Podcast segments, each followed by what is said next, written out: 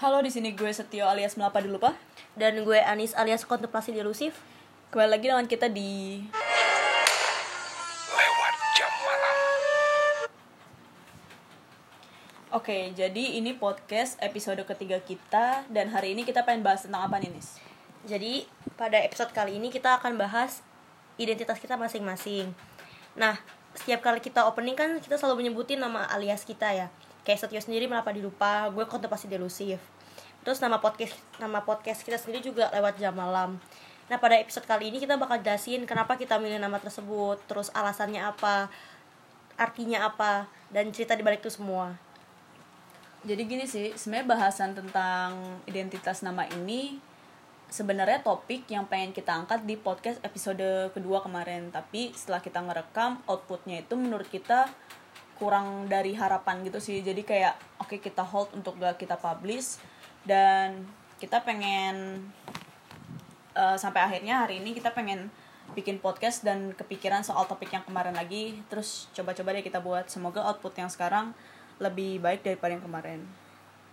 Gini kayak dan juga latar belakang di balik kita pengen angkat topik ini sendiri kalau gue pribadi ya. Karena melapa dilupa sendiri kan sebenarnya nama yang sering kali gue cantumin di beberapa platform sosial media gue. Dan sering kali beberapa teman gue itu nanya arti melapa dilupa itu apa sih? Jadi gue kepikiran untuk ngerangkum semua jawaban itu di podcast ini biar gimana ya ngerangkum semua pertanyaan dari orang-orang sih. Berarti Gitu. lo mengajak teman-teman orang-orang di sekitar lo untuk mendengarkan podcast kita. Oke bisa. Untuk mengetahui arti apa dilupa. bisa. Oke. marketing lo jago nih lanjut. Eh ini biar seru kita sambil nyetel nyetel lagu aja gak sih? Lagu apa sambil tuh? ngobrol nyetel nyetel lagu. Bebas nih gue jadi ada satu gue rekomend buat lo semua ya. Ada satu channel YouTube yang dari dulu banget gue suka banget dia namanya House Concerte gue nggak ngerti sih ini mereka itu kayak komunitas musik apa gimana tapi sering bikin eh, apa live mu- live music gitu Oh. dari artis-artis indie mancanegara waktu itu Oke. ada kalau dari Indonesia eh apa sih namanya The Trees and the Wild pernah ke sana Oh, iya, iya. gitu gitu ini gue pengen nyetel judulnya eh, lagunya Boy judulnya Drive Darling oke belum gue setel nggak apa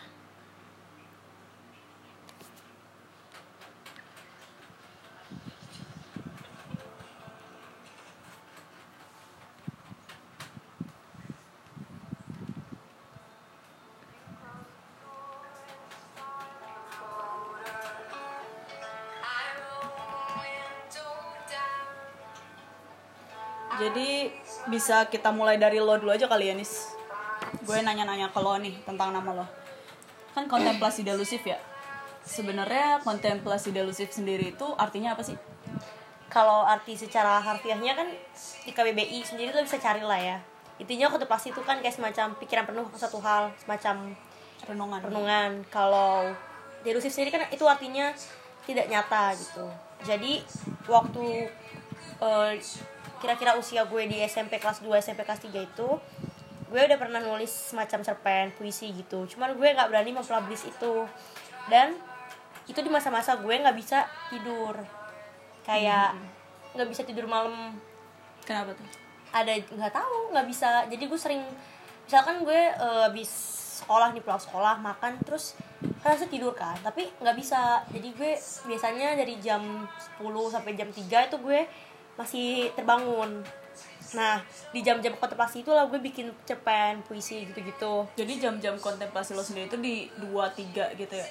Ya jam-jam produktif gue. Terus terus? Terus eh, sampai akhirnya karena itu kan jam 3 jam 3 gue jam jam 3 tuh baru gue baru bisa tidur. Jam 5 nya gue baru mu- eh, harus bangun lagi sekolah kan. Nah kadang-kadang gue tuh suka yang ngerasa- eh, namanya ngerasain kayak bukan deja vu sih kayak apa yang gue mimpiin di tidur gue itu sama yang terjadi terjadi di dunia. nyata nyata. itu gue bingung bedainnya. Kayak ini gue di mimpi gue. Kayak misalkan gue kalau pulang sekolah atau gue berangkat sekolah kadang gue suka naik angkutan umum kan misalnya gue naik angkutan umum terus gue ketemu sama satu orang misalkan ibu-ibu itu duduk di sebelah gue kadang gue suka ngeliat kayak ini orang pernah gue ketemu di mimpi gue apa di dunia nyata kayak semuanya nyaru gitu gak sih Iya semuanya nyaru. Nah, nah kenapa namanya gue pilih delusit? Jadi seolah-olah ini nyata nggak nyata dan kenapa kontemplasi? Karena emang di jam-jam jam jam dua jam tiga itu gue bener-bener merenung se- sendiri gitu. Itu sih. Em, gini sih menurut lo esensi dari nama ini untuk lo sendiri itu gimana sih? Oh esensi sama ini. Ini sebenarnya gue pak gue nggak nggak kayak lo sih Sat. kalau lo kan lo taruh di berbagai platform kan. Kalau gue buat blog gue sendiri gitu dan nama ini sebenarnya buat eh apa ya menjaga diri gue kalau sekarang nanti gue mulai muncul lagi kayak jam-jam itu berulang ya jam-jam kontemplasi gue gitu muncul lagi gue akan tahu cara menghadapi itu bisa jadi produktif kayak gitu. Oke oke. Dan gini sih yang sering beberapa kali kita obrolin juga ya em, menurut lo sendiri menurut pandangan lo ya penting gak sih untuk setiap orang gitu setiap individu memaknai nama eh, memaknai diri mereka sendiri dengan suatu nama atau suatu identitas gitu? Kayak mereka perlu nggak sih meng, apa ya melabelkan diri mereka atas apa gitu bukan melabeli sih tapi memaknai diri memaknai. Kalau melabel itu jatuhnya mengambil ya sih? Iya. kalau memaknai lo emang bener-bener menjiwai itu. Iya. sebenarnya kan Shakespeare pernah bilang ya apalah arti sebuah nama ya kan? Tapi nggak gitu sih sebenarnya kalau na- nama itu kan kayak or- kayak seorang ibu ngasih eh, anaknya. Nama itu kan doa ya. Tuju, apa eh, semoga nanti kalau anakku namanya Yusuf semoga eh, tampan seperti Nabi Yusuf gitu kan ya Oke, kan? Terus terus. Ya, kayak sama kayak kenapa gue pilih kontemplasi delusif? Ya karena gue yang seperti gue bilang tadi nama itu bukan diambil tuh bukan asal-asalan. Bukan tiba-tiba ketemu dapat nama gitu. Jadi emang harus dimaknai gitu dan arti sebuah nama itu krusial penting. Ya kan? Kayak kontemplasi delusif sendiri ini buat gue buat menjaga diri gue gitu kayak gitu. terus? Terus kalau kalau ada orang bilang nama arti itu nggak penting ya cobain aja tapi lo punya anak lo namain asal. Ini kan anak lo terkata-katain ini berarti lo lagi kayak bilang jadi pendapatnya Shakespeare salah gitu. Enggak sih. Kadang kadang nggak nggak juga sih. Kadang ada orang yang kayak ah gue nggak tahu namanya dia tapi gue tahu Orangnya mana nih? orangnya mana gitu tapi kan lo nggak bisa lo nggak bisa interaksi dengan dia kalau kalau nggak tahu namanya ya kan Iya. Sebenarnya sih kayak soal pandangan Shakespeare salah menurut gue, ya menurut kita itu nggak salah kayak setiap orang pasti punya Heeh. pandangannya masing-masing. Kayak gue demen sih ada satu kalimat di Metro TV gitu yang bilang fakta boleh sama, eh, sudut pandang boleh beda. Ah, gitu. iya. Itu bener banget sih menurut gue. bener-bener Gitu. Ada lagi? enggak sih dari dari gue sebenarnya itu doang sih Oke. Ah berarti nah ini nih yang ditunggu-tunggu pendengar kita. Jadi kan kayak gue sering banget dengar teman-teman setio bahkan teman-teman dari gue juga orang-orang di Star Setio orang-orang Star gue juga.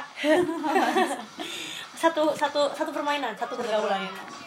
jadi banyak yang nanya mengapa dilupa tuh apa sih sir? Oke. jelasin tuh sekarang di sini. Ini artinya dulu atau gimana nama itu bisa muncul? Nih? arti mapa dilupa artinya jadi melapa di lupa sendiri ini sih kayak itu kalimat yang kalau setahu gue ya lo cari di KBBI atau cari di internet itu lo Nggak bakal nemu artinya. Karena itu kalimat yang gue bikin sendiri. Abisnya gue pribadi punya kebiasaan bikin sosokan bikin kata sendiri gitu sih. Nah kayak melapa melapa itu kalimat yang gue bikin sendiri. Jadi kalau dibilang arti itu melapa di lupa itu kayak apa ya siklus dualisme gitu sih antara atas atau bawah hitam atau putih yin yang terus hukum Newton 3 hukum timbal balik gitu gitulah jadi kayak eh, apa pun yang lo lakuin itu punya sisi lain dari itu. Dan kadang gue maknain melapa di lupa sering kali gue maknain lebih melapa di lupa kayak gini. Eh, melapa lupa itu artinya lo jangan terlalu seneng atas apa yang lo udah punya sekarang. Karena di satu sisi lo bisa dilupain sama orang di sisi yang lain lo bisa lagi ngelupain sam- ngelupain orang lain gitu. Jadi lo sebagai manusia jangan pernah ngerasa ada di atas segala hal. Lo bisa tiba-tiba ada di bawah gitu. Jangan pernah lo ngerasa putih banget atas sesuatu. Lo bisa-bisa bikin hal-hal yang bikin diri lo sendiri hitam banget gitu. Gitu sih hukum timbal balik semuanya dualisme Dualisme. iya. Iya. tapi kan melapa dilupa sendiri kan artinya dualisme. Kan lo tau kan nggak ada yang hitam putih juga abu-abu. Iya benar. Nah itu gimana? Ini sih jadi kayak melapa di lupa sendiri menurut gue emang punya banyak kelemahan tapi sayangnya ya udah ajib juga sih itu jadi takdir. Gue ngerasain tuh nama klop banget sama gue kayak eh, gue pribadi eh, gue sendiri bukan pribadi yang percaya hidup itu cuma hitam putih cuma atas bawah cuma baik buruk baik buruk gitu cuma 5 atau 10 karena menurut gue pasti ada di tengah-tengah gitu loh ada kelabu di tengah-tengah itu. Nah jadi kayak melapa di lupa sendiri jadi pengingat gue buat eh, gimana ya? Lo jangan ngeliat hal dari satu sisi aja. Selalu ada Ah. sisi lain di tengah-tengah itu. Itu sih. Jadi kayak ya gue percaya banget hidup tuh ada yang di, tengah- di tengah-tengah. Lo Iya. nggak bisa 100% lo salah lo nggak bisa 100% lo bener. Iya. nah terus kenapa eh, kenapa lu milih melapa dilupa gitu? Apa sih eh, kisah di balik itu? Kenapa namanya melapa dilupa gitu? Asal munculnya gitu ya? Asal asal muasal munculnya itu. Jadi ini muncul kalau nggak salah pas gue kelas 8 SMP. Waktu itu gue lagi bikin ini, gue lagi bikin Twitter kan. Terus gue lagi mikir nih nama Twitter apa yang enak gitu kan. Sebenarnya gue nggak mikir sih, tapi uh, gue pengen bikin nama Twitter gitu. Nah terus gue inget banget pas gue lagi pas di masa kalau gue, gue kelas 8 itu gue lagi feeling like crap to everything banget gitu lah. Kayak gue ngerasa ada di bawah atas segala hal gitu. Padahal bener di bawah. benar-benar di bawah gitu kayak padahal gue singkat gue beberapa minggu yang lalu atau beberapa bulan yang lalu gue lagi sesenang itu sama hidup gitu loh. Anjing nggak selba itu juga sih tapi kayak lagi seneng banget lah gitu. Terus tiba-tiba aja berbertiba tiba-tiba langsung gue ngetik melapa dilupa gitu. Impromptu tuh ya tiba-tiba impromptu banget. impromptu banget. Kayak langsung melapa dilupa nah masuk ke kuping gue langsung kayak Enak nih. enak banget gitu kan. Terus langsung Berima gitu. berima gitu langsung kayak oke gue jadiin lah. Nah tapi sayangnya pas itu gue belum bener-bener dapat makna dari nama itu apa gitu. Eh, sampai tapi gue tetap setiap kali gue kayak eh, keputar di otak gue melapa dilupa melapa dilupa gue kayak fuck ini gue banget gitu. Akhirnya kelas 8 gue bikin melapa dilupa itu jadi username twitter gue. Oke tapi itu masih gue keep cuma jadi username twitter kan gak gue sebar ke mana-mana gue nggak pernah ngobrol itu ke orang-orang gue nggak bener-bener memaknai itu sampai fully dalam hati gitu kan ah Nah, sampai akhirnya em, lanjut tuh lanjut lanjut sampai kelas 10. Kelas kelas 10 itu gue lagi download Twitter lagi, terus gue buka Twitter muncul nama nama melapa dilupa Melapa kan gue dilupa. langsung tiba-tiba inget kayak Ah. wah ternyata dulu gue pernah kayak gini gitu kan langsung kayak melapa dilupa nih? Terus muncul lagi di otak gue kayak enak banget nih didengarnya. Terus akhirnya gue mulai bikin tuh nama ke ke platform-platform sosmed gue kan. Sebenarnya belum banyak sih waktu itu gue cuma ma- masukin ke bio IG terus Sweet, eh, ini ya Spotify. Spotify gitu. Sampai waktu itu gue bikin medium juga pakai nama melapa dilupa yang ada di bio IG gue. Promosi lagi. Masih lagi. Ya nah, terus eh, nah tapi sama kayak waktu kelas 8 sampai situ gue belum bener-bener punya arti yang pas banget untuk melapa dilupa apa gitu Iya. tapi setiap gue dengar melapa dilupa gue tahu perasaannya tuh gimana gitu Oke. gue ngerti ini maksudnya apa tapi gue nggak punya kalimat harfiahnya gitu untuk menjelasin ke orang-orang Iya. Nah, udah sampai akhirnya kelas 11 itu gue lagi ngobrol tuh sama stranger, terus dia nanya, itu gue taruh di bio gue kan melapa dilupa, terus dia nanya melapa dilupa artinya apa? Langsung tiba-tiba banget gue dapet tuh makna kayak soal menurut gue melapa dilupa itu siklus 25 hitam putih atas bawah dan segala macamnya terus langsung karena gue ngomong gitu gue keinget lagi soal kayak maksud gue bikin nama ini tuh karena dulu gue ada masa di bawah.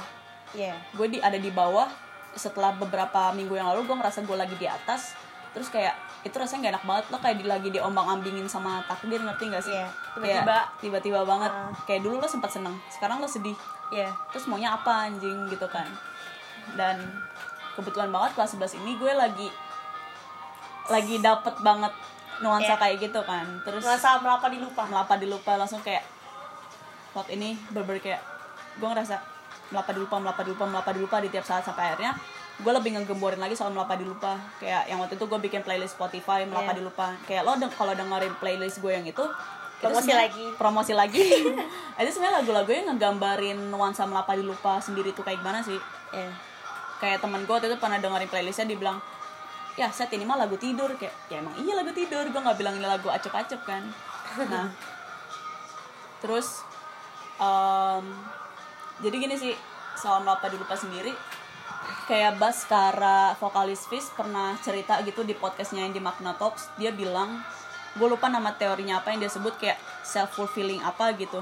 Yang artinya ketika lo udah udah menjadi bagian dari itu lo ngerasa itu ada di mana-mana.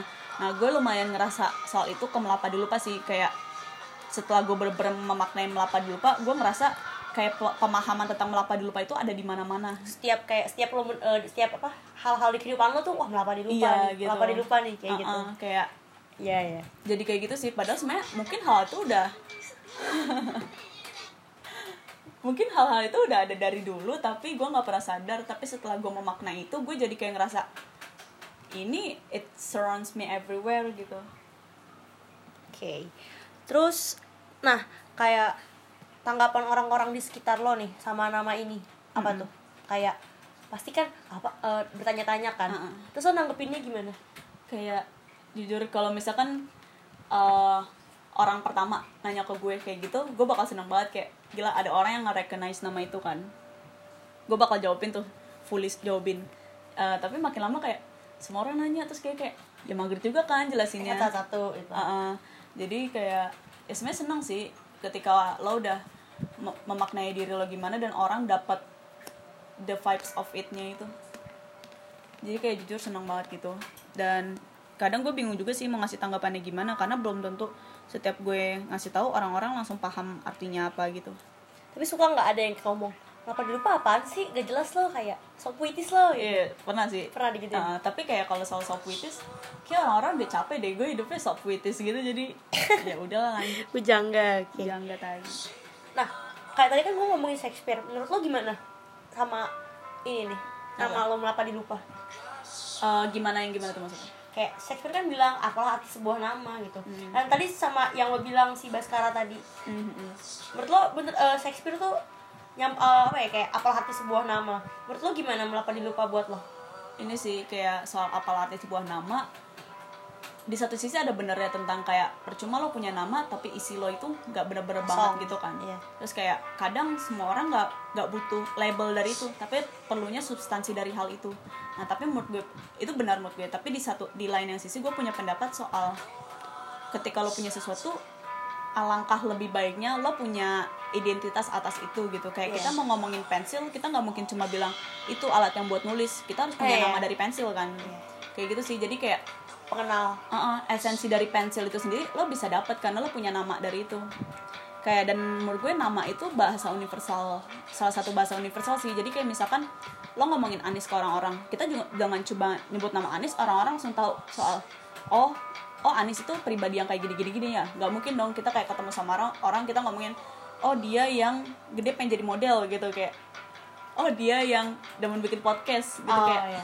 Ya orang-orang bah- bahasa universalnya langsung putus di situ sih menurut gue Oh, yang itu, yang, Oh, yang- tapi yang mana? iya gitu ya menurut gue nama tuh salah satu hal yang penting banget selama lo bisa memaknain itu Hmm. kadang kan ada orang nih yang kadang jokes jokesnya orang Jawa suka ah namanya keberatan nih gitu Oh iya iya. kayak misalkan namanya apa ya Chandra gitu tapi Ah. kelakuannya bangor Iya. orang kayak nama lo keberatan gitu gitu lah.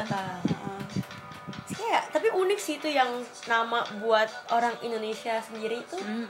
Lagi orang Jawa ya kan. Gue tuh pernah, gue pernah nonton waktu itu film biografinya Soekarno dan pernah baca juga.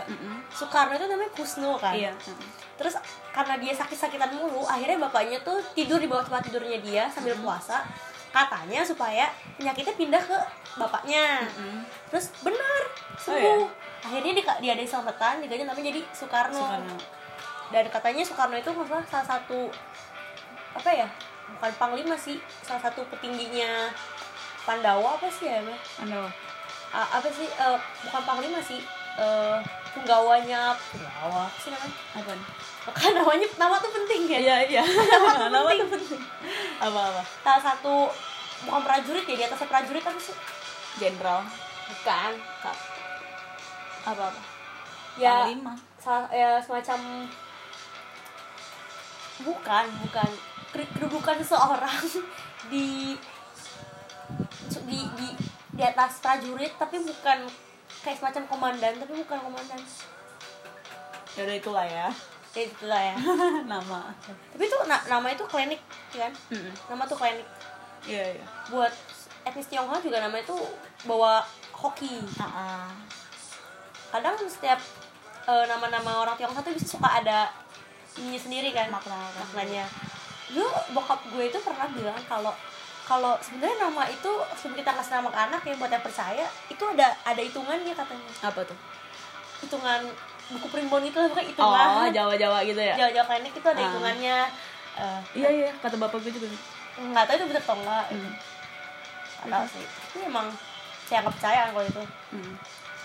Ini sih ngomongin soal nama, gue ada rekomen yang salah satu buku favorit gue dari gue bocah sampai sekarang tuh kayak ke mana-mana gue pasti bakal bilang ini buku salah satu buku favorit gue. Jadi bukunya Nukila Amal, judulnya Kala Ibi. Gitu. oh ya tahu Ah, tuh Iya, kalau lo lihat sinopsisnya dia bakal bilang buku ini cerita tentang eksistensi nama, mimpi, dan dunia maya gitu. Jadi diceritain ada satu tokoh yang namanya Amanita Maya. Nah, Amanita Maya itu diambil dari nama jamur Amanita muscaria. Jadi bapaknya si Maya ini dia seorang pelaut gitu sampai akhirnya ketika berlaut dia ketemu sama salah satu pelaut dari India kalau nggak salah yang bawa jamur Amanita muscaria Hmm. terus dia langsung kepikiran anaknya dan ini Amanita muscaria eh anak Amanita Maya. Amanita muscaria sendiri kan jamur yang kalau lo lihat di majalah Bobo itu loh yang warnanya merah ada bintik-bintiknya yang itu. tipikal jamur lah ya. Ya yang jamur animasi itulah. Nah itu sebenarnya salah satu jamur yang berbahaya kan karena dia bakal ngasih ketika lo makan itu dia bakal ngasih efek halusinasi. Iya. halusinasi nah Maya sendiri. Itu kan sesuatu yang tidak nyata. Jadi Oh. dari nama si Amanita Maya ini ngegambarin hidupnya si Maya yang dia itu mirip ih coba gue bersadar deh mirip-mirip sama kejadian lo yang soal kontemplasi delusi oh iya. Yang dia berkali-kali mimpi hi- hidup mimpi hidup yang bahkan kalau lo baca buku itu lo lagi bingung ini lagi dia lagi mimpi atau dia lagi di dunia nyata gitu. Nah tapi alhamdulillahnya kalau di buku itu diciriin ketika lo lagi baca Maya di dunia nyata dia bakal bilang M A Y A. Kalau Oh. Maya di dunia mimpi M A I A. Emang Maya yang ilusi itu loh Sebenarnya itu buku bagus banget buat lo. Pada yang suka cerita-cerita surrealis gue rekomen super buku itu sih. Oke. Nukila Amal Kala Ibi. Gitu. Gue gue tertarik baca buku itu sih. Bagus. Bagus. Tuh kayak semacam refleksi diri lah ya. iya benar sih. Dan itu itu nggak sih kayak kalau lo suka apa namanya antara nyata hidup nyata hidup ada yang namanya deja vu kan? Ah ah, ah. yang kayak gue pernah ngerasain ini nih itu sebenarnya gue bingung deh itu ya? itu kadang gue nanggepinnya itu secara psikologis itu logis itu tapi kalau gue nanggepin secara klinis itu itu lumayan aneh sih ah, ah. Kenapa tuh kenapa? kayak karena kayak misalkan ya hal-hal misalnya kan eh, gue jalan nih gue kalau pulang kan selalu jalan kan dari dari eh, apa halte bis gitu gue jalan terus misalkan ada orang nih lewat bocah lari-larian gue kayak ngeliatin kayak ini bocah gue pernah lihat tapi di mana gitu tapi kok gue tuh berkali-kali dia dia dan dengan dengan seragam misalkan seragam putih-putih terus dia lari nih lari-lari depan gue kayak ini persis banget persis tapi di mana gitu apa gue Ah, pernah ah. lihat di Iya, iya. apa karena emang gue tiap hari lewat sini tapi enggak gitu ini baru apa di mimpi gue gitu Iya, iya, ngerti, ngerti. serem gak sih gitu kayak? Gue deja vu yang paling sering gue alamin tuh kalau kayak gini. Ini yang kayak sering banget gue alamin. Misalkan gue hari ini pengen keluar rumah, pas buka pagar, gue cuma mikir, ini gue terakhir kali ngerasain ini kayak kapan ya? Iya. Kayak gue gue ngerasa gue barusan kayak gini dah. Kok gue sekarang kayak gini lagi? iya Sumpah sering banget kayak ber- setiap buka pagar gitu. Gitu dah. berasa berulang-ulang tapi Ah, ah. tapi baru ngasihinnya kali ini doang Iya gitu. iya dan sebenarnya gue kesel tuh kalau deja vu kayak nimbulin efek apa ya efek sepi efek kangennya gitu ya Benci kayak sih nostalgia gitu gak sih Nostalgianya gitu oh iya Eh, btw nih kalau kayaknya buat lo pada yang denger terus kayak demen sama BTS pasti tahu sih. Jadi sebenarnya deja vu ada kebalikan dari deja vu namanya jamais vu oh yang sebenarnya? Ah, ah. eh tapi gue lupa sih arti sebenarnya dari jamais vu apa tapi intinya dia kebalikannya dari deja vu. Mungkin sebenarnya gitu kali ya. Terus bedanya apa? Kalau deja vu kan lo ngerasain suatu hal yang udah lo lakuin kayak sering terjadi. Kalau jamai itu coba kita cari. Gue rada lupa sih sebenarnya artinya apa. Jamais vu oh jamaifu bukan jamaifu ya gimana ya penyebutan lah? Arti jamais vu gue pertama kali dengar deja vu tuh kayak kembali ke nama. Itu deja vu tuh kayak nama-nama India gitu. Mm-mm. nggak tahu sih itu dejavu uh, asal katanya dari mana. Tapi karena namanya dejavu kayak terkesan terdengar seperti uh, kata-kata dari India dejavu oh jadi gini kalau jamaisfu sendiri kan kalau yang dejavu itu uh, kita kayak ngerasain sesuatu yang udah pernah kejadian kan. Nah Hmm. tapi kalau jamaisfu kita ngerasain sesuatu yang itu semua itu terasa baru pertama kali kejadian. Oh. Wah, gitu sih kayak kalau misalkan aneh gak sih kalau pertama- baru pertama kali ngerasain sesuatu? Biasanya kalau hal pertama kali ngerasain sesuatu kita nggak bakal ingat kita bakal ngerasa seneng. Kayak ini sih mungkin lebih ke soal lo nggak pernah nge-expect ini bakal kejadian ke lo dan tiba-tiba kejadian itu it's all a new thing gitu. Jadi kayak lo bakal dapat euforia yang asing dari itu tapi mungkin menyamankan lo. Bikin lo nyaman kayak kalau setahu gue ya gue lupa liriknya gimana di BTS tapi kalau gue mikir-mikir sama tipikal liriknya BTS mungkin Jamaispo ini ceritanya tentang eh, mereka kan orang-orang yang gimana ya dari kalangan menengah ke bawah lah bukan orang-orang yang hidupnya hedon banget terus kayak nggak bakal expect kalau mereka bakal hidup segemilang sekarang gitu. Dan mereka langsung Oh. ngerasain hal baru dari itu. Iya gitu. sih bener-bener. baru pertama kali terjadi ke mereka. Gitu sih. Oke. Em, ada yang mau lo tambahin lagi nggak Nis? nggak ada sih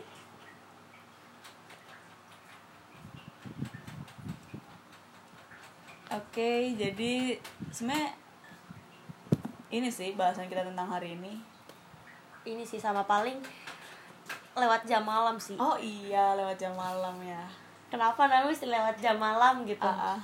Dan kenapa opennya cringe kayak gitu? cringe tapi menurut gue tidak akan cringe Ya, kalau semoga. semoga jadi earworm sih.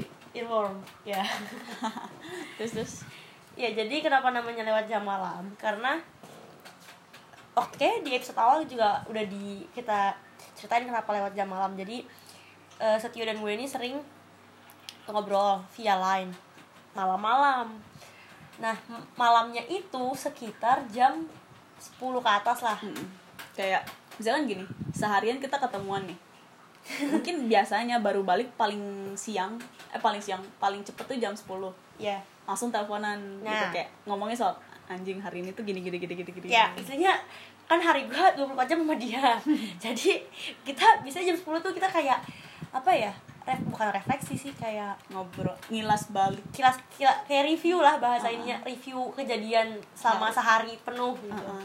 tadi tuh gini gini gini aduh gue gak suka sama si ini ini ini. Jujur banget. Iya. Ya namanya cewek lah ya. Ya, iya manusia gitu kan. Nah kita nggak ngomong kayak gitu sih lebih kayak pendapat lo menurut terhadap satu hal ini tuh Uh-uh. gini gini gini gini gitu. Dan nggak memaksakan bener kalau orang ngomongin orang kan nih orang tuh gini gini gini. Judge, apa ya judge judging gitu judgingin orang gitu nah terus jadi sebelum kita milih ini kita sempet bingung eh, namanya apa ya? Macam-macam dari samsara iya omkara Omkara. baraka. Baraka, semua disebut ya kan karena emang artinya tuh bagus gitu kan. Iya. tapi kok kurang dapet feelnya kayak gitu kurang menggambarkan gitu Nah, sampai suatu ketika lagi bingung-bingung gini, Setio nyebut lewat jam malam. Wah, cocok tuh gitu kan. Hmm, Nah, ke- jadi kenapa gue nyebut itu juga? Pertama kan kayak yang Anis bilang tadi ngegambarin soal obrolan kita itu di waktu kapan dan kebetulan juga beberapa hari sebelum kita bikin podcast Iya. itu Anis lagi lagi demen banget sama filmnya Usmar Ismail ya. Iya, yang Filmnya lewat lewat jam jam malam. Mungkin lo cerita dikit nih filmnya. Nah, jadi dari dari kayak sebelum gue podcast ini sebelum gue masuk masa-masa SMA, gue tuh udah sering banget eh, gue udah majang poster kecilnya lewat jam malam itu di dinding kamar gue. Tapi gue nggak pernah kesampaian buat nonton sampai akhirnya di salah satu bioskop kecil gitu di daerah Cikini Kine Forum. ya Kine Forum itu bagus banget bioskop alternatif bagus banget film-filmnya bagus ada pekan film eh, namanya hitam putih itu nampilin film-film lama Antara hitam dan putih. Kayak antara hitam dan putih itu nampilin film-film lama yang udah direstorasi gitu kan nah waktu itu ada filmnya eh, filmnya Usman Ismail dan gue waktu itu na- udah ada tiga darah terus lewat jam malam terus tamu agung darah dan doa akhirnya gue milih lewat jam malam karena darah dan apa tiga darah gue pernah nonton darah dan doa udah ada di YouTube terus tamu agung juga kata Setio nggak begitu bagus jadi gue pilih lewat jam malam lo ngomong gak gitu bagus? biasa aja kata lo kayak lebih milih lewat jam malam dulu lah. ya dan ternyata Iya. dan ternyata itu menurut gue untuk film tahun 19 apa ya? 40-an. 50 ya 50 40 itu sangat-sangat bagus karena ceritanya sendiri itu cuman berkutat di du- dua hari. Jadi nggak dua hari ya hitungannya. Jadi kepulangannya satu tokoh gue lupa nama tokohnya lagi. Hmm. jadi ada, ada, ada, ada satu tokoh dia bekas eh, perwira. per- eh, perwira pejuang gitu. Veter perang veteran perang itu juga di masa-masanya di masa-masanya Indonesia baru merdeka. Nah dia itu baru baru pulang perang itu dan dia sampai di rumah kekasihnya. Kadang-kadang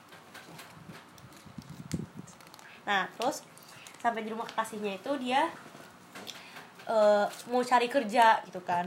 Nah situ dia, dia banyak nemu-nemuin kesulitan dan ternyata teman-temannya yang selama perjuangan masa-masa perjuangannya itu udah tidak setara lagi dengan dia udah nggak satu idealisme lagi sama dia dan nah saat itu kalau nggak salah dia eh, mau melakukan satu pembalasan pembalasan dendam ya semacam apa ya karena dia udah dia udah dia udah nggak ngerasa dia di, dia dirugiin sama eh, komandannya. Jadi dia kan saat itu posisinya di tentara juga bukan eh, bukan perwira atau bukan apa ya komandan ya dia tetap suruhan dan setahu gue jabatan kecil gitu ya? Dan setahu gue juga kalau tentara itu nurut perintah dari komandan Hmm, gitu. Dia iya, melaksanakan gitu. perintah gitu. Nah dia kalau salah dia disuruh membunuh satu keluarga dan ternyata keluarga yang dibunuh itu bukan pemberontak. Keluarga yang dibunuh itu untuk kepentingan komandannya ini. Nah di situ dia ngerasa wah ini udah nggak benar. Dan teman-temannya yang teman-temannya dia yang diajak untuk yang yang satu apa ya satu batalion ya Hmm, hmm, hmm. itu ternyata sudah tidak se- sama lagi dengan mereka gitu dan dia juga di situ ada ini sih ngegambarin ini sosial kayak kesenjangan awal-awal masa mereka di mana yang udah kaya kaya banget dan dia melarat melarat sekali gitu Hmm, hmm, hmm.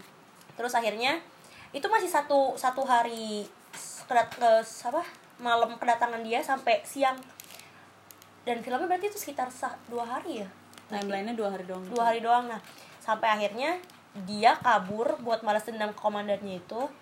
Nah di situ ada peraturan nggak boleh eh, ada peraturan jam malam. Jadi jam 10 sampai jam 10 ke atas lah itu itu nggak boleh keluar gitu kan. Karena masih keamanan saat itu Indonesia belum belum begitu aman gitu. Nah akhirnya dia melanggar. Lah melanggar dan gue nggak mungkin nyebutin endingnya mungkin gak sih gue nyebutin endingnya ya terserah. Karena ini bukan film yang bukan film semacam Avengers jadi kalau disebutin endingnya juga ya ya udah. Ya udah gitu. Jadi akhirnya dia melanggar terus akhirnya endingnya dia meninggal gitu kan. Tapi dia meninggal dengan membawa perasaan kayak apa yang gua apa yang telah gue lakukan ini udah bener gitu. Even orang-orang itu nilainya buruk atau atau gue melanggar norma-norma yang hukum-hukum yang berlaku tapi gue apa ya namanya? Sesuai idealisme gue sendiri gitu. Ya itu sih. Gitu ya. Itu menurut gue dengan dengan podcast kita eh, dan nama film apa dan cerita film tersebut itu ada kaitannya sih. Mhm. terus sih. Masa so yang soal mati dengan membawa idealisme lo sendiri gue jadi keinget deh ini deh. Sogi. Soki oh bisa ya Soki tapi gue bukan tentang Soki oh siapa tuh? Jadi ada satu uh, podcast kayak ini podcast terbesar di Indonesia namanya Magna Talks. Itu oh yang tadi Baskara itu ya iya yang Baskara sempat diundang di situ Iya. eh, apa host dari Magna Talks itu kan Ias Lawrence. Kayak dari lo mungkin beberapa udah ada yang tahu Ias Lawrence. Dulu dia terkenal di SFM gitu kan. Iya. nah Ias ini cerita dia waktu di penghujung 2019 atau eh penghujung 2018 atau awal 2019 gitu gue lupa. Dia bik- eh, dia bikin trip solo trip naik motor dari Jakarta ke Bali. Nah jadi itu trip kalau lo cek di IG judulnya Drive for Day gitu. Nah sebenarnya trip ini dia bikin karena waktu itu ayahnya sekarat kan di rumah sakit karena kanker. Jadi Iyas ini sendiri sangat respect sama ayahnya dan di podcast itu dia bilang ayahnya tuh nggak pernah minta apa-apa. Jadi when he ask for it let's fucking do it gitu. Dia ngomong kayak gitu. Oke terus akhirnya dia sama ayahnya ngerencanain pengen trip naik motor berdua dari Jakarta ke Bali dengan kondisi ayahnya yang sekarat dari kanker. Dia ngomong gini ya gue gue pribadi gue nggak percaya eh, prinsip yang lo diem di rumah sakit dan akan sembuh. Jadi lebih baik dia wafat di tengah kesenangan di tengah keinginan dia untuk mencapai sesuatu daripada cuma ngedokem di rumah sakit gitu. Intinya kayak gitulah. Dan pengen banget sih bisa bener sih bener. wafat dengan rasa bahagia yang kayak gitu bukan wafat yang sekarat di rumah sakit. Iya. Ditungguin keluarga-keluarga gitu. Uh, at least tuh punya euforia tersendiri atas kesenangan sebelum kematian. hari terakhir lo hari terakhir lo hura-hura. Hura hura gitu deh. Ini sebenarnya mungkin bahasan kita nyerempet ke hal yang lain selain tentang nama ya. Jadi it's okay. Lo ada yang mau ditambahin gak nih oh ini uh, uh, apa namanya? Gue lupa ngomong apa kan. Yang yang waktu itu loh yang mimpi oh mimpi. Kenapa tuh? Waktu itu lo pernah punya buku rekomendasi tentang mimpi? Iya itu kalau oh Kalaidi oh Uh-uh. iya sama.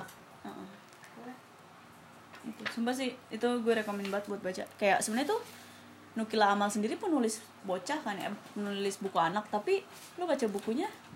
Nggak seperti buku bocah. Iya kayak menurut gue bocah yang baca buku itu oh mantep sih. Mantap sih. Nggak kayak bocah oh, tuh iya kayak ada jadi keren sih satu dia dari orang Jogja apa gimana gue lupa. Lo bisa cek di IG Naya Gina Jamela. Dia tuh masih terakhir kali gue tahu dia masih bocah kelas 5 SD tapi dia bisa bikin bikin puisi. Dia udah bikin nerbitin dua buku puisi dan fuck lah itu puisi kayak wow super sih kalau it's coming from anak yang cuma kelas 5 SD kayak dia bahkan bicara tentang atom di puisi itu.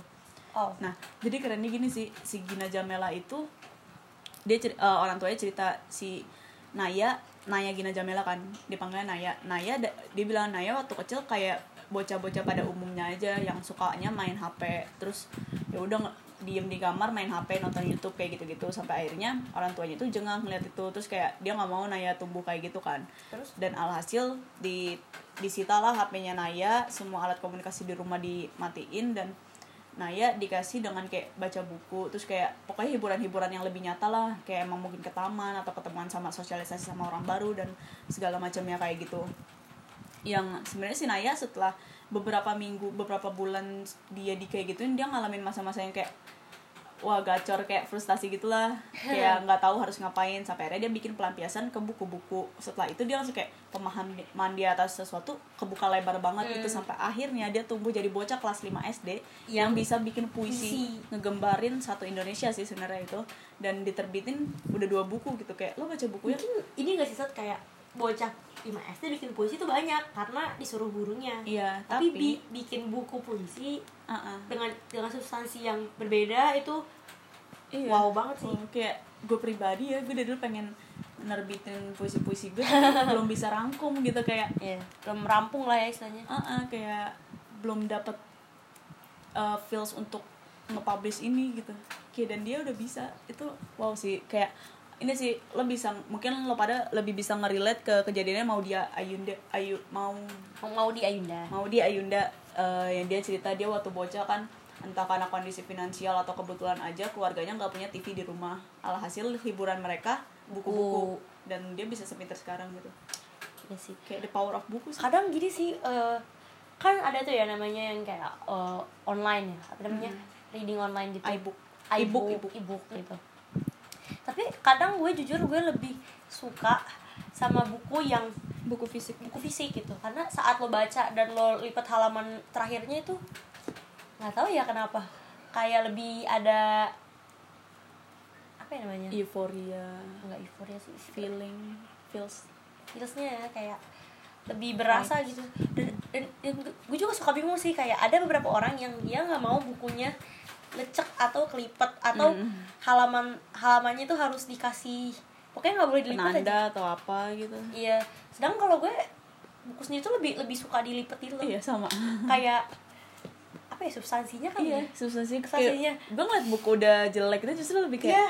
ini ada maknanya ada gitu. makanya berarti tandanya kan sering dibaca dan lo Uh-uh. sering suka sama buku ini kan? Sedangkan kalau buku yang rapi-rapi aja kayak ya kayak buku dipajang di Gramet. Gramet oh btw buku-buku di Gramet gue kemarin tadi ke Gramet udah bagus. Oh iya? Ya lumayan lah. Lumayan tapi ya sih gue terakhir kali ke Gramet sebenarnya pojok sasarannya udah lebih bagus daripada Iya. waktu awal, Awal akhir banget. 2018 itu. Iya. kayak itu anjing tuh susunan bukunya tapi tetap aja sedih sih kayak kolom sastra lebih hilang daripada dulu. Iya. kayak dulu kolom sastra seingat gue ada dua dua lemari. Sekarang cuma satu lemari. Oh iya paling belakang ya? Kedua paling belakang nggak salah. Iya kalau nggak salah karena kedua paling belakang. Apa Tapi- paling belakang itu gue lupa. Gue bagus-bagus itu. Yang paling depan tuh yang Wattpad gitu. Mm-mm. yang aku dan apa-apa gitu. Yang aku dan kakak kelasku. yang judulnya kayak My Naughty Boyfriend. Terus terus? Iya terus gue kemarin ke gerak waktu kapan ya? Gue belum lama tuh gue beli dua buku gitu ya. Yang tadi gue tunjukin ke lo sebelumnya. Terus gue nyari sebenarnya gue pengen nyari bukunya Pramudia yang rumah rumah kaca. Ah, ah. tapi kok nggak ada bukunya Pramudia malah gue, gue cuma nemunya bumi, bumi manusia. Mhm. terus kayak ini kenapa? Kan gue nyari di stoknya juga udah habis. Terus sih banyak banyak yang dirubah. Eh btw ngomongin bumi manusia udah eh ada yang tuh poster oh iya Hanung Bramantio. Hanung Bramantio. lagi-lagi membuat film sejarah. Yes. Semoga hasilnya tidak seperti film-film sebelumnya. Kecuali tanda tanya ya gue gak ngerti sih. Eh, jujur waktu pertama kali gue kenal Hanung tuh gue nonton yang ini. Apa? Get Married. Itu film komedi bagus menurut gue bagus. Terus akhirnya gue nonton tanya kan itu juga bagus. Tiba-tiba gempar lah dia mau, mau bikin film biografi Soekarno ya kan? Terus kontroversial dong segala macem. Akhirnya gue nonton lah tuh sekeluarga dong sekeluarga eh gue juga di bioskop waktu itu nontonnya. Sekeluarga kan gue sama keluarga juga gue kayak nggak tahu sih sebenarnya gue kalau nonton film kayak gitu gue ya ya nggak excited banget tapi ya udah nonton aja gitu. Nonton lah ya kan. Ternyata kok banyak yang tidak sesuai. Tidak sesuai. Terus nonton lagi tuh yang kartini kan. Terlalu banyak nama-nama besar terus porsi ininya kecil ya kan. Nah akhirnya muncul lagi yang baru bumi manusia. Kata, kayak terus yang bikin Sultan Agung Sultan Agung oh dulu oh Sultan Sultan Agung dulu. Waktu itu Sultan Gila Agung. ya jadi mungkin yang satu sekolah sama kita tau lah Sultan, Agung itu film yang salah satu film wajib yang kita tonton waktu itu setelah kunjungan ada kunjungan museum, ya. Museum. dan tahta perjuangan cinta. Kayak jadi tuh aneh banget sih. Menurut gue aneh banget di situ dimasukin kan tokoh namanya Lembayung yang dibilangin jadi Gue- cintanya si Sultan Agung. Tapi itu Menurut menurut itu aneh sih. logiknya tuh nggak dapet banget kayak lo di zaman kayak gitu stereotip tentang wanita lebih gede daripada sekarang dan dia bisa segamblang itu masuk ke barisan perwira-perwira Iya. cowok gitu nggak ada yang komplain sama sekali. Itu nggak mungkin. aneh banget itu gak logis. Dan dia umurnya berapa? 40 ya? Dan dia belum menikah. Itu aneh sih. Iya. Aneh itu. Pas setidaknya ya dia udah jadi pertapa seharusnya. Bukan jadi prajurit gitu. Iya. Kayak ini sih padahal gini sih yang soal gue bukan mau kita bukan mau ngeritik soal Hanung kita bilang dia nggak skill atau sama sekali. Kayak gue nggak. apresiasi karya-karyanya Hanung dan menurut gue karya-karyanya bagus gitu. Kayak lo ngomongin film-film romantis yang Habibie Ain dan segala tanda macamnya tanya. tanda tanya gitu. Bagus. Itu bagus tapi tapi kenapa gitu sampai sekarang beberapa film Hanung yang sejarah film sejarah Hanung kayak outputnya tuh sangat tidak ses- sangat tidak sesuai harapan gitu. Kayak Iya. padahal menurut gue film sejarah itu film yang krusial banget sih. Itu kan ngebantu pemahaman orang tentang sejarah kan. Jadi riset yang lo dalam itu harus matang. Terus kayak pesan-pesan yang lo munculin itu harus substan gitu. Jangan kayak lo ngasal-ngasal gitu. Kayak Iya. lo tau kan film Pearl Harbor itu? Oh ya ha. yang ternyata, Ternyata tuh film gak nge-input uh, sejarawan sama sekali di pembuatannya. Iya, cuman cinta-cintanya aja Iya, kayak oh gila tuh film.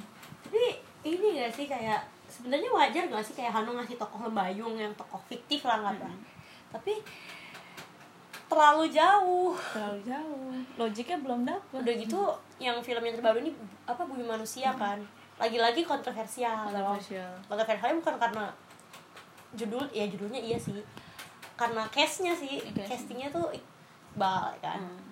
dan gue takutnya gini sih dia eh, sama kayak film-film sebelumnya yang malah menyoroti kisah romantis antara si Mingke sama siapa namanya Anastasia, Anna, Aneselin, Anelis. Anneli sama Anelis padahal kan titik poin intinya adalah bukan romantisnya perjuangannya si perjuangannya. Mingke itu dan gue takutnya gini itu kan bukunya Pramudia ya Iya, eh iya itu itu poin banget sih. itu poin buku, buku Pramudia dan itu salah satu apa ya sastra yang sastrawan gembora Indonesia kayak juga di- dan buku itu menurut gue salah satu ini gak sih kayak menggambarkan masa-masa kolonialisme sebelum apa sebelum perjuangan era perjuangan itu dan kalau difilmkan dengan Hanung dan salah interpretasi Nah. takutnya generasi ini udah miskonsepsi tentang sejarah Iya. di timeline itu Iya. takut banget sih sebenarnya soal itu dengan Terus- juga kan castingnya Iqbal Iqbal kan kita nggak bisa bohong lah ya dia eh, yang suka sama dia lah anak muda yang iya ya bukan bukan stereotip sih nggak tahu bumi manusia itu apa gitu Iya. sebenarnya ini sih kayak gue sekarang harapan gue paling terakhir itu oke bagus nih kita misalkan bagus nih ada sisi positifnya kita nge-casting Iqbal biar anak muda lebih nonton Nah, iya. nah tapi harapannya biar output tuh film tuh sesuai sesuai harapan lah biar nanti Iya. anak muda yang nonton lebih dapat sejarahnya itu bukan malah dapat miskonsepsinya. Kadang Ming, kan itu juga soalnya tokoh Mingke itu kan juga eh, mencerminkan ini kan si Tirto Adi itu.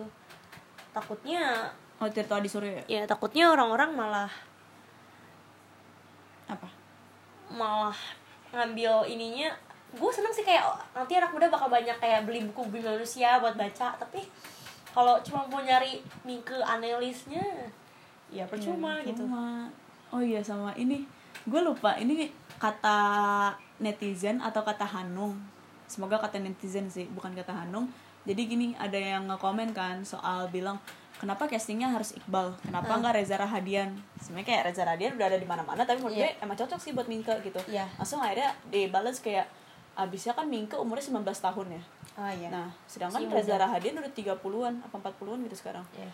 Eh, jadi nggak cocok untuk umur segitu nah sampai akhirnya ada yang ngebalas pintar nih ngebalasnya tapi kalau kita ngeliat ke zaman itu anak umur 19, 19 aja tahun. dengan teka- tekanan sosial yang di sana sini tekanan Iya. nasional yang sana sini itu bisa kelihatan kayak anak umur berapa puluh tahun itu Kayak- bener banget bener bener bener kayak Semaun kan umur Iya. berapa tahun udah jadi ketua PKI Uh-uh. Terus 19 tahun sekarang ya beda lah gitu. Iya, semaun aja waktu di film Garin yang walaupun sebenarnya filmnya sangat tidak itu kayak guru Aminoto. bangsa Cokro Aminoto yang aduh Tuhan. sedih banget Garin bisa bikin film kayak gitu. Itu dimainin sama siapa sih? Reza Rahadian lagi. Eh nggak semaunya itu jadi Eh, Ginting siapa namanya? Iya iya itu. Si Ginting itu. Uh-uh. Dia yang sebenarnya menurut gue umurnya mungkin udah 30 menuju 40 kali ya. Tapi bagus. Tapi emang cocok ngegambarin semaun Iya. banget. Oh iya gue sempat mikir Cokro Aminoto itu filmnya Hanung iya. Karena oh ini ah, ada mah film Hanung nih kan. Soalnya Heeh. banyak banget yang salah dari cerita apa se- eh, Iya. fakta sejarah kan. Kayak ini buat lo pada yang mungkin nge-follow second IG gue waktu itu udah kelas eh udah kayak kap, udah lama banget gue pernah nge-share kritik kritik kayak kata-kataan gue cacian gue buat tuh Cacian- film. Caci maki. caci maki gue buat tuh film buat guru bangsa Cokro Aminoto yang kayak padahal Garin nih buat lo pada yang belum Aduh. tahu Garin Nugroho dia yang bikin dia sutradara Kucumbu Tubuh Indaku. Mungkin sekarang orang udah banyak yang tahu tentang Kucumbu Tubuh Indaku kali ya. Nah dan mungkin setelah nonton Kucumbu Tubuh Indaku abis itu lo lihat eh, guru bangsa Cokro Aminoto lo nggak bakal sadar ini filmnya Garin gitu. Mungkin Garin butuh duit ya. iya. Kayak yang lo bilang Usmar Ismail Ya, dia tetap bikin sama. buku eh apa? Sebenarnya gini sih. Eh Sultannya apa Usmar Ismail Usman Ismail jadi sebenarnya gini sih menurut gue ya Hanung bikin film sejarah dengan casting Iqbal itu mencari sama sama kayak Garin dan Usman Ismail nyari Iya, duit. nyari duit. Usman tapi Ismail sayangnya kenapa harus film sejarah terus yang miskonsepsi? Ya kenapa harus ya kan? Ya Garin juga film sejarah yang di ini Eh, iya sih ya. Iya sih ya. Tapi least film yang lainnya ya Usman Ismail juga filmnya apa mulai-mulai ikut-ikut Hollywood itu juga karena karena duit. Oh, mengikuti pasar. Iya. Jadi eh, moral lessonnya si indi indinya manusia ada materialnya. Materialnya gitu. Tetap. Tau. kayak berarti sama kayak tokoh aduh gue lupa lagi teman tokoh si ini tokoh lewat jam malam. Siapa siapa? Lupa gue nama tokohnya. Iya. itu dia apa namanya sama kayak apa? Bentar gue lagi nyari nama tokohnya. Oh Iskandar. Iskandar. Nama perempuan wanitanya Neti Herawati iya. Iya iya terus? Nah jadi si Iskandar ini kan dia idealis banget tuh. Terus dia mengetahui kan kalau wah ternyata gue udah gak bisa jadi tentara lagi. Mm-mm. karena ya teman-teman dia udah pada jadi pengusaha jadi apa mandor di proyek apa Ih, terus berarti kayak hoki waktu setelah demonstrasi? Ya akhirnya dia daftar kerja juga dong. Tapi dia nggak bisa karena ya itu bukan bidangnya dia bukan gitu. passionnya. Bukan passion. Dia jadi juru ketik waktu itu. Mhm. terus dia stres ya kan? Terus ya udah akhirnya di akhirnya kan berulang kali dia ngerasa wah ini lingkungan gue udah nggak sejalan sama gue terus akhirnya dia mati dengan idealismenya. Kayak so hoki. Iya kayak Sogi sih. Ah, Sogi barusan teridealis itu. Sangat gitu sih ini kayak obrolan kita emang udah udah bukan tentang nama lagi ya ujung-ujungnya. Iya. eh berarti Net Neti Herawati nama ibu lo ih bangsat.